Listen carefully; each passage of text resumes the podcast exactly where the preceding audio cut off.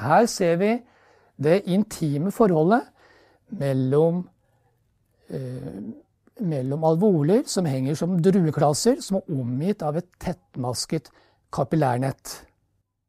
Alvolene er kledd av et spesielt epitel. Eh, det er et spesielt epitel overalt i, i luftveiene. Og når vi kommer ned på alvornivå, så har vi også et spesiallaget eh, epitel. Det er for det første veldig, veldig tynt. For det skal jo skje en gass, gassveksling mellom alveoler og kapillærer. I tillegg til dette epitelet så er det en del spesialceller nede på alveolnivå. Noen viktige celler er det som kalles epitelceller type 2 på denne figuren. Det er celler som produserer surfaktant, som er framstilt som denne blå linja på innsiden av alvolene. Den inneholder fosfolipider. Innsida av alvolene er fuktig, kledd med en væskefilm. Og i overgangen mellom luft og væske vil det oppstå overflatespenning. Eh, denne overflatespenningen vil være så kraftig at i små strukturer vil den forårsake at disse små blærene vil klappe helt sammen. Men pga. dette fosfolipidlaget som, som, eh, som eh, disse spesialcellene produserer, så nedsettes den overflatespenningen betydelig.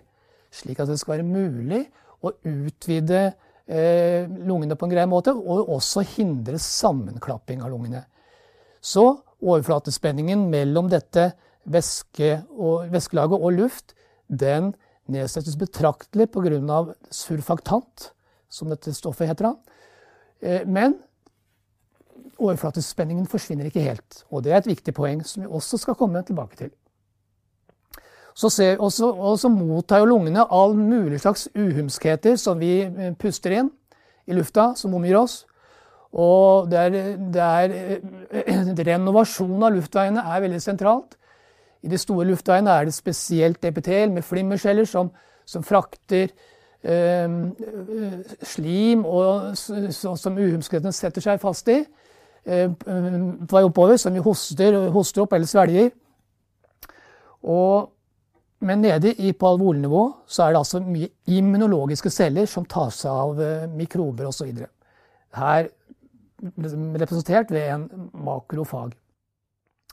Vi har også lymfevev nede i, i, i luftveiene. Det er ikke, ikke, tegnet inn her. Og så ser dere det som omgir, omgir alvolene. Det er, eh, det er kapillærer.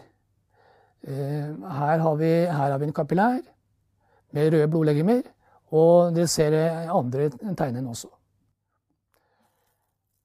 Så gassvekslingen skjer gjennom disse to eh, celleveggene omgitt, eh, som har en felles basalmembran mellom seg.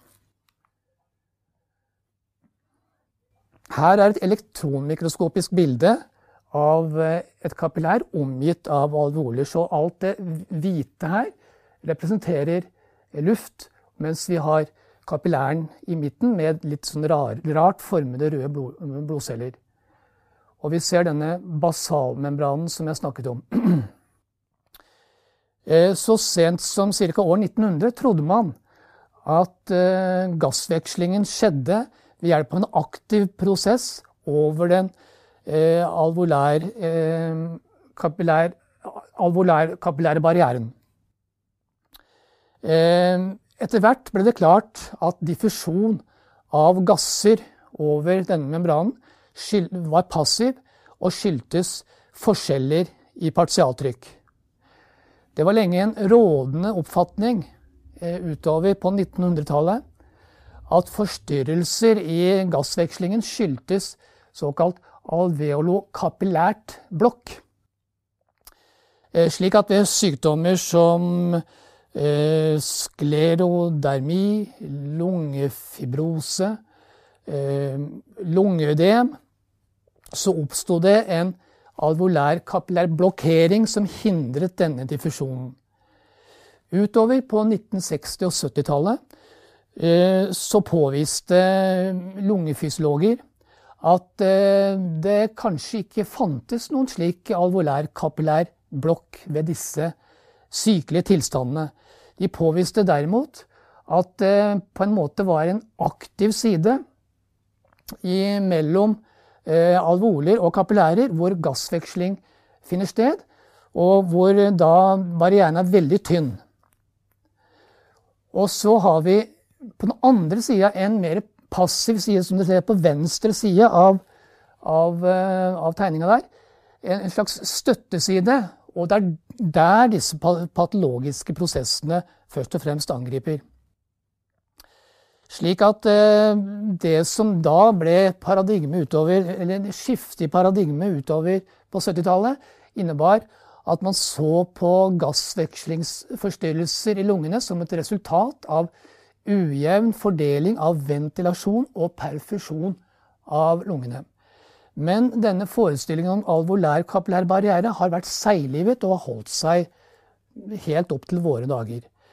Eh, men i dag vi ser altså på gassvekslingsforstyrrelser som hovedsakelig forårsaket av eh, misforhold mellom ventilasjon og perfusjon i lungene.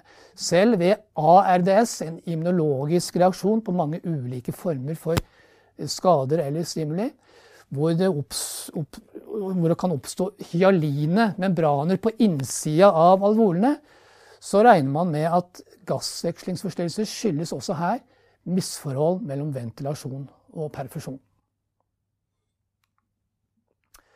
Da skal vi om, oppsummere denne introduksjonen. Vi har eh, hørt at vi har et stort gassvekslingsareal i de normale lungene. Og at vesentlig, vesentlig bestanddel av alvorens oppbygning er dette surfaktantlaget, som gjør, gjør, det mulig at alvoren holder seg åpne, og at man lettere kan uh, puste, rett og slett. Og så vet vi at gassveksling i alvoren drives av forskjeller i gass, gassenes partialtrykk.